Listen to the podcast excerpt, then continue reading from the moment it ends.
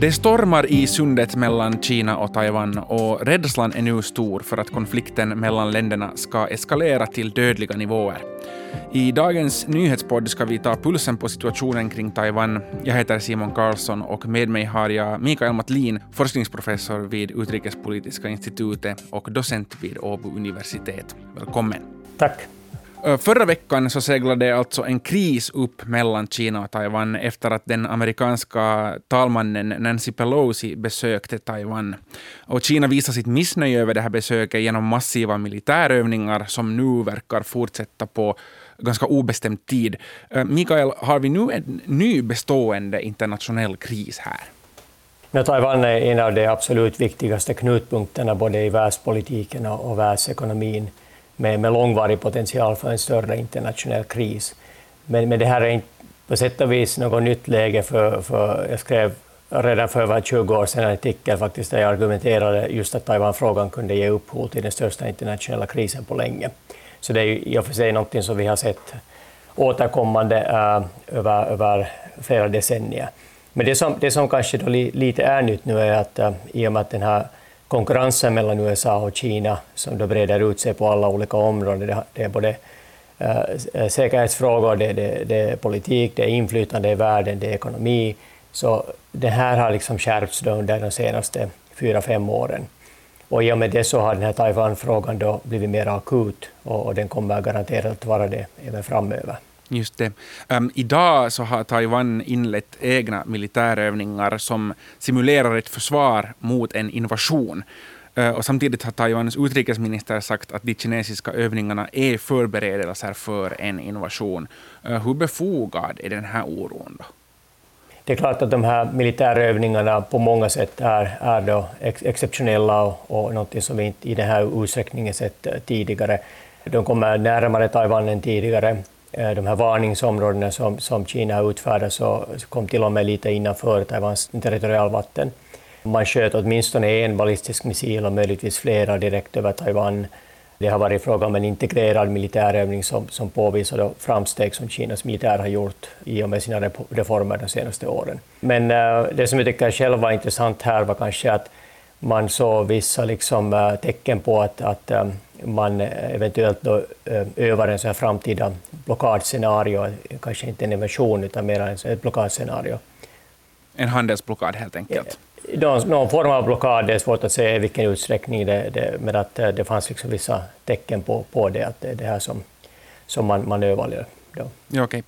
Men det har rått en slags balans mellan Kina och Taiwan nu i, i årtionden.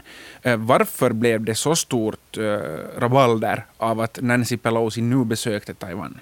Nej, du, har, du har rätt att det har varit, trots allt, alltså med, med tanke på liksom hur länge det här, det här läget har, har varit, och, och så, så, har det varit ändå ett läge som har skötts ganska väl, att det, det har varit ganska stabilt.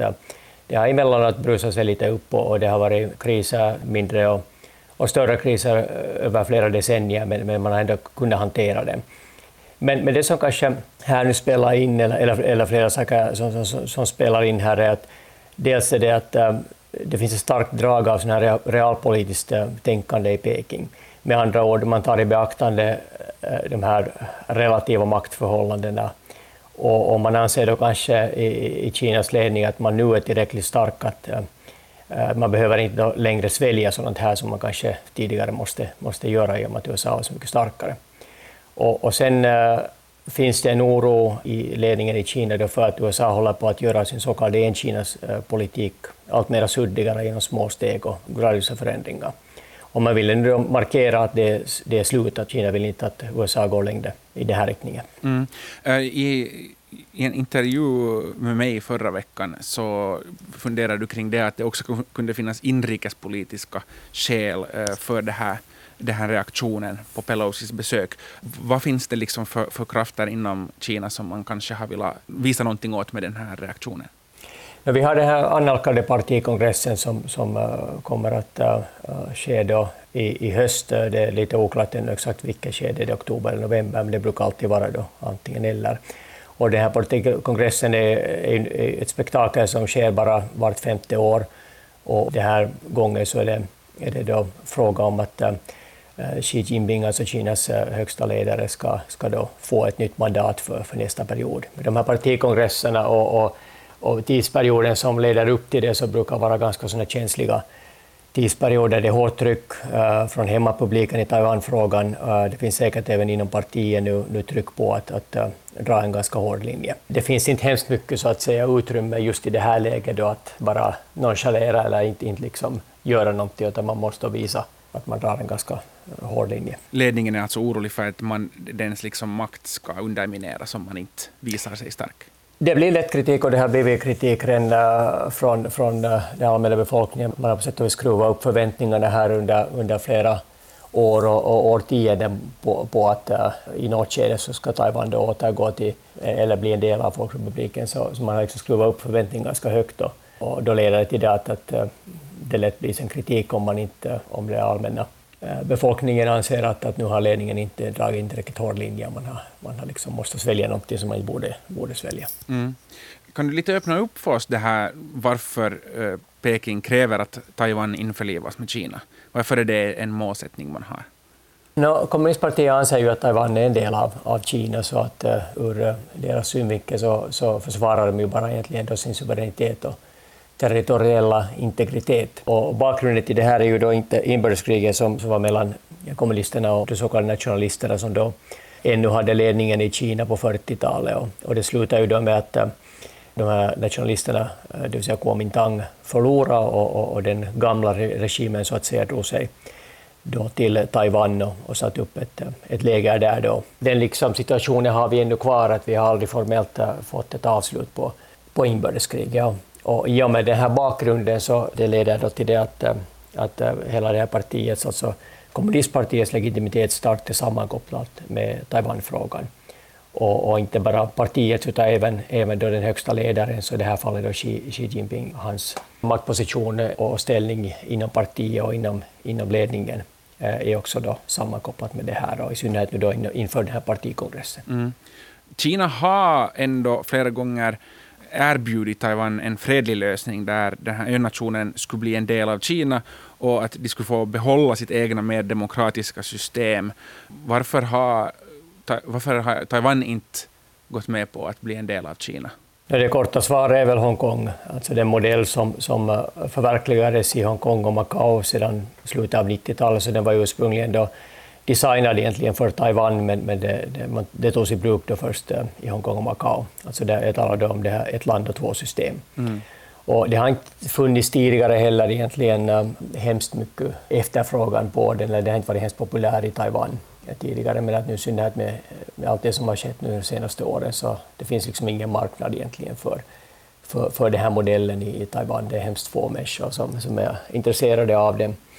Och, och det går ganska mycket tillbaka det att det, det är ganska lite som, som Kina då kan erbjuda taiwaneserna som de inte redan har kanske materiellt någonting, men att um, när vi talar om, om politiska systemet så är det hemskt lite som, som liksom lockar i det systemet, om man är van vid det, det, som man har i Taiwan. Så taiwaneserna äh, är i regel då för att bibehålla sin självständighet? No, det har tolkats som så att det här status quo, alltså den, det nuvarande läget, är det bästa man nu kan åstadkomma under rådande förhållanden. Och det, det, finns en ganska stark majoritet, det ser man i enkäter som gjorts eh, flera, flera år att den här stora massan är mer eller mindre för att behålla det här nuvarande systemet. Det finns ganska lite egentligen människor som, som skulle vilja, vilja då bli formellt självständiga och det finns eh, ännu, ännu färre människor som, som skulle, skulle vilja bli en, en del av Kina. Att båda de här så att säga, ytterligheterna så har, har ganska lite det där stöd. Mm. Så den här 70-åriga Eh, konflikten mellan Kina och Taiwan, det ser inte ut som att den kan få en, en, en ett fredligt slut alldeles snart. Eh, men då kanske det kommer lite frågetecken kring varför Kina inte har eh, agerat med kraft mot Taiwan. Finns det rent militära orsaker till varför Kina inte redan har invaderat Taiwan? Ännu för några år sedan så, så ansåg man allmänt, allmänt att Kina saknar det här helt enkelt den, här, den militära kapaciteten för att, för att ta Taiwan. Det är ju ett äh, ganska svår, svårt, äh, hela idén på att ta en ö som ligger 150 kilometer ifrån fastlandet, som har få stränder man kan, man kan landsätta äh, trupper på, äh, som till 80 procent är tättbevuxna bergsområden och, och resten är ungefär då lika tätt Eh, urbana områden. Så det, det, hela det här liksom geografiska äh, läget är, är svårt. Och, och, och, för att ta det med, med våld så det krävs enorm kapacitet, alltså ren, ren landstigningsfartyg och, och flygkapacitet och sånt. Och, och, det är inte hemskt länge sedan så, som Kina inte helt enkelt hade den kapaciteten. Att, att nu talas det om, om att Kina så småningom börjar ha, liksom, på papper åtminstone, en sån kapacitet. Och sen finns det förstås ännu, ännu det att vi har USA i bakgrunden som via sin egen lagstiftning har ett, eh, en skyldighet att, att stödja då Taiwans försvarsförmåga. Och, och, Japan är ju förstås också möjligtvis involverad om det skulle hända någonting, för Japan ligger så nära. Mm. Eh, finns det några andra orsaker då som också kan göra att det inte ligger i Kinas intresse att eh, med våld försöka införliva Taiwan i fastlandskina? Det har talats ganska mycket om de här ekonomiska sanktionerna nu, nu efter Ukraina och, och, och, man har ju tagit i bruk då ganska, ganska hårda sanktioner mot Ryssland. Men jag skulle nog vilja tro att, att det är ganska svårt att upprätthålla en, en enhetlig och långvarig sanktionslinje när det gäller Kina i och med hur, hur enormt viktig Kina är i, i världsekonomin. Att, och det redan har varit svårt att få de här energisanktionerna mot Ryssland så det skulle vara mångfalt svårare med Kina som ändå trots allt är tio gånger större som, som ekonomi. Och, och mycket av det som vi använder, som vi får, får in till landet, kommer på ett eller annat sätt eh, eller har, har liksom anknytning till, till Kina. Så jag tror inte att de här sanktionerna kanske i första hand är det som ligger där bakgrunden om man, om man har, har varit lite försiktig med att, att göra någonting. Att Eh, det är kanske mer fråga om det att, att eh, det finns då enorma risker för kommunistiska partier om, om man skulle misslyckas med ett sådant här eh, initiativ, om man försöker då ta, ta ön med våld och, och, och, det går snett så, så då finns det en stor risk att, att, att det går riktigt illa för partiet. Mm. Nå, nu har vi alltså en, en alldeles spänd och prekär situation i, mellan Taiwan och Kina. Kommer det här läget i Taiwansundet att kunna återgå till hur det såg ut innan Nancy Pelosi besökte eh, Taiwan, eller har vi nu ett nytt eh, status quo? Det är nog möjligt att, att vi faktiskt har ett nytt status quo på många sätt. Det har talats mycket kring det under de senaste dagarna. Och, och det ser lite ut som om, om eh, Kina skulle ha tagit liksom tillfälle i, i akt och skuffa fram sina, sina positioner och normalisera sånt som man inte tidigare har gjort. Det vill säga att man mer eller mindre som regel då går över den här så kallade mittlinjen i, i Taiwansundet med, med militära flyg. Att man övar mycket nära då Taiwans territorialvatten. Eh, så det är mycket sånt som man, man nu liksom, eh, så att säga normaliserar och, och vi kanske ser framöver då liknande militära övningar som gör läget för Taiwan svårare. Mm. Finns, men finns det rent av en, en, eh, en risk för att eh, den här konflikten eskalerar om USA blir mera indragen, eh, till exempel, eller, eller om Kina av någon orsak vill trappa upp det?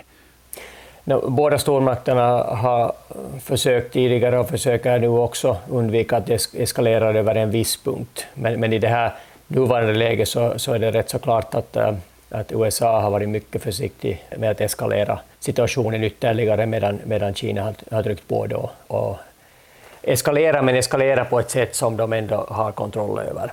Så, men vi har sett då alltså i tidigare såna mindre, mindre krislägen i Taiwansundet, det har varit egentligen kännetecknande för, i de här kriserna hur väl de har skötts av alla parter. Och det, det är sånt som jag själv har, har, har hört då länge, att, att, eh, trots att det ser liksom häftigt ut och det händer mycket, men, men de facto så har det varit en, en, en så här välkoordinerad dans mellan de olika parterna, ofta då i de här tidigare kriserna.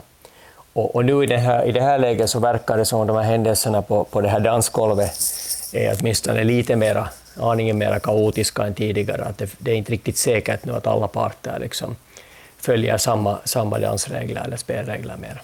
Så vad är ett, ett, ett eh, worst case scenario om det trappas upp? No, ju mer det, eh, det rör sig då, till exempel då militärflyg och, och ubåtar och fartyg och, och missiler och sånt, så alltid finns det ju en risk att någonting händer, att det händer någon, någon incident som, som då kräver att, att man svarar på det.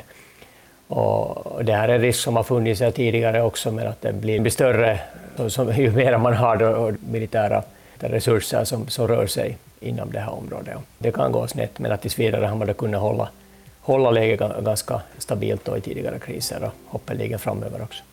Vi får följa med läget mellan Kina och Taiwan. Jag säger tack Mikael Matlin för att du var med i Nyhetspodden. Tack. Jag heter Simon Karlsson, producent är Ami Lassila och tekniken sköttes här av Max Saloma. Fortsätt lyssna på oss.